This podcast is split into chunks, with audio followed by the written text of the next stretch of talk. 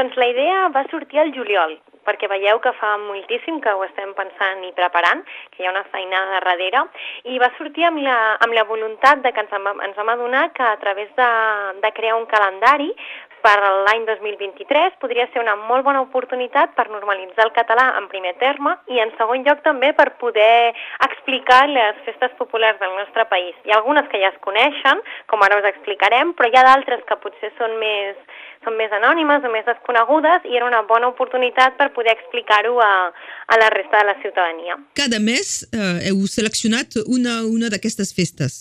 Efectivament, cada mes la idea, a més a més, és de desplaçar-nos arreu del territori. És a dir, per exemple, el mes de gener hi ha la, la calçotada, que és l'inici de les calçotades amb, a Baó, que la, la, la, la du a terme era nou de Baó, però també ens n'anem, per exemple, al febrer ens desplacem a l'Alballespí amb les festes de l'Os i, per tant, dibuixem també la comarca. O, per exemple, a l'agost que ens desplacem fins a Palau de Cerdanya amb la festa de la xocolata o les baremes al setembre que dibuixen des de Port Vendres, Banyuls i Cervera, però també Ribes Altes, Taltaüll. Llavors, una mica l'objectiu és anar dibuixant a través de cada mes les diferents, els diferents vilatges de, del país i poder explicar a través d'aquesta oportunitat les diferents festes populars. Com deia, algunes més conegudes, com la Festa de l'Os, però potser altres més, més, eh, més anònimes, com podia ser la Festa de les Bruixes de Tres Serres, que es du a terme a l'octubre, o potser el Tio Tio de Vinçà, que és al març. He parlat eh, d'il·lustradors, hi ha una part important, no és només posar endavant la, la festa, Exacte. que podria ser una, una fotografia, o ben bé hi ha la, la qüestió de la creació artística. Correcte, com bé dius, el calendari l'han fet dos il·lustradors i tres il·lustradores. La portada, per exemple, ha sigut encarregada només d'un il·lustrador, que és el Madi, que és aquesta imatge tan particular que es veu per, pels carrers de Perpinyà i també per la plana del Rosselló, que és aquests ninos amb un, amb un únic ull. Doncs ell és l'encarregat de, de dur a terme la portada i després eh, les quatre restants, les quatre il·lustradores restants, cada una s'ha ocupat d'una estació. Doncs així veiem com diferents estils a través de diferents estils i, i, i maneres de crear, s'ha plasmat en una il·lustració les festes populars. Realment ha sigut una, un treball molt, molt curiós i molt xulo perquè algunes de les il·lustradores ens feien confiança cega a la festa que estaven triant i no la coneixien, llavors s'han de, de deixar guiar per la informació que els hi hem explicat, eh, els, els hi hem cercat imatges, etc. i elles després han pogut plasmar. Ara em ve al cap una, una molt xula que és la del tio tio de Vinçà, que mm, és la, la Fanny Brugat, que la podreu trobar a la, a la primavera, com s'ha deixat guiar per, per la mateixa, o també, per exemple, la de la Festa de Tres Serres, que la il·lustradora en concret, la, la Geni tampoc la coneixia. Llavors ha sigut molt xulo aquest procés de, de ja començar a explicar les festes primer a les il·lustradores perquè elles la puguin il·lustrar. Ens has anomenat eh, tres de, dels cinc, és que podríem anomenar els, els dos altres, tant per tant. tant.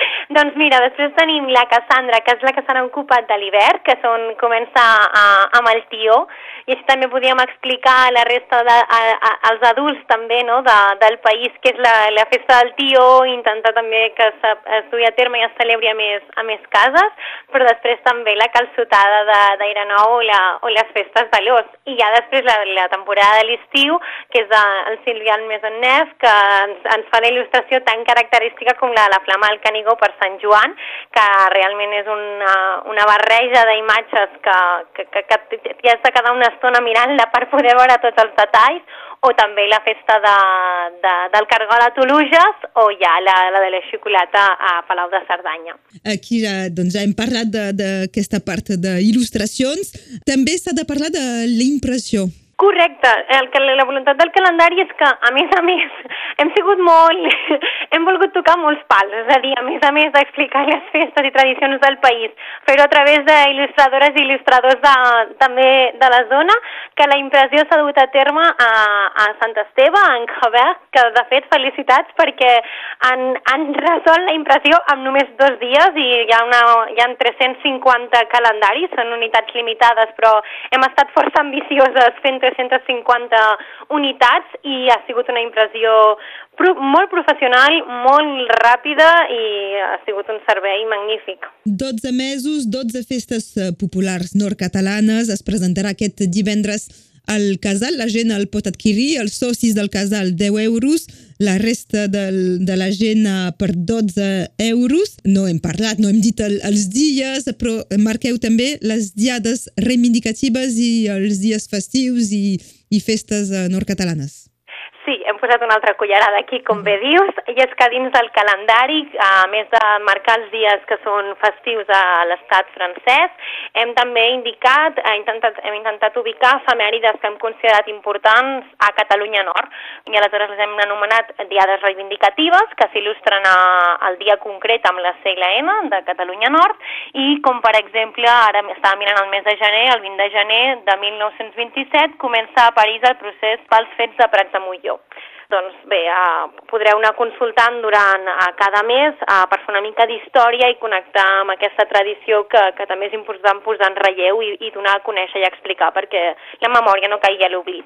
Imagini que, evidentment, divendres la gent que vindrà el podrà comprar, però imaginem algú que no pot venir aquest divendres. On pot trobar aquest calendari? Efectivament. Doncs a Perpinyà, a part de, de poder venir el divendres nou, que esteu tots i totes convidades a partir de les 7 al casal, podeu comprar-lo també en les horari, horaris d'obertura del casal. Normalment totes les tardes del casal s'hi fan activitats i és obert, podeu passar i adquirir-lo. Si no, també a la llibreria catalana trobareu els nostres calendaris i també a la botiga del 10 sobre 10 a la Casa Musical, que tindrà lloc properament, també hi ha una paradeta on, on s'hi vendrà. Si no, fora de Perpinyà, a Argelers eh, també el tenen a la, a la Maison de la Premsa, eh, també a Porvendres a la llibreria Oximor, a Saret el trobareu també a Le Cheval de l'Ago i finalment a Prada també a la, a la Maison de la Premsa. Doncs de moment són aquests llocs on també es poden comprar el calendari. Estem procurant de fer distribució a altres, altres punts de venda i si no ens podeu contactar pel correu del casal o les xarxes del casal i podem, podem quedar i us el fem arribar sense cap, sense cap problema. És un molt bon regal pel tio, així doncs afanyeu-vos perquè com he dit només hi ha 350 unitats i això jo crec que anirà ràpid. El calendari 2023 eh, fet uh, i encarregat pel casal, potser m'avanço, eh? però la voluntat és que 2024 n'hi hagi un altre? Sí, la voluntat és que això sigui una iniciativa que, que ha vingut per quedar-se i que cada any puguem dibuixar fets i històries de, del país. Uh, hem començat amb les festes populars, però l'objectiu és anar, anar canviant el, el, el, el tema i, i anar fent edicions. Ja estarem pendents d'aquí un any. Avui uh, parlàvem amb Arlet Brufau uh, per uh, presentar aquest calendari. La cita és aquest divendres per, per descobrir-lo i comprar-lo i, a més a més, uh, conèixer uh, els il·lustradors i il·lustradores.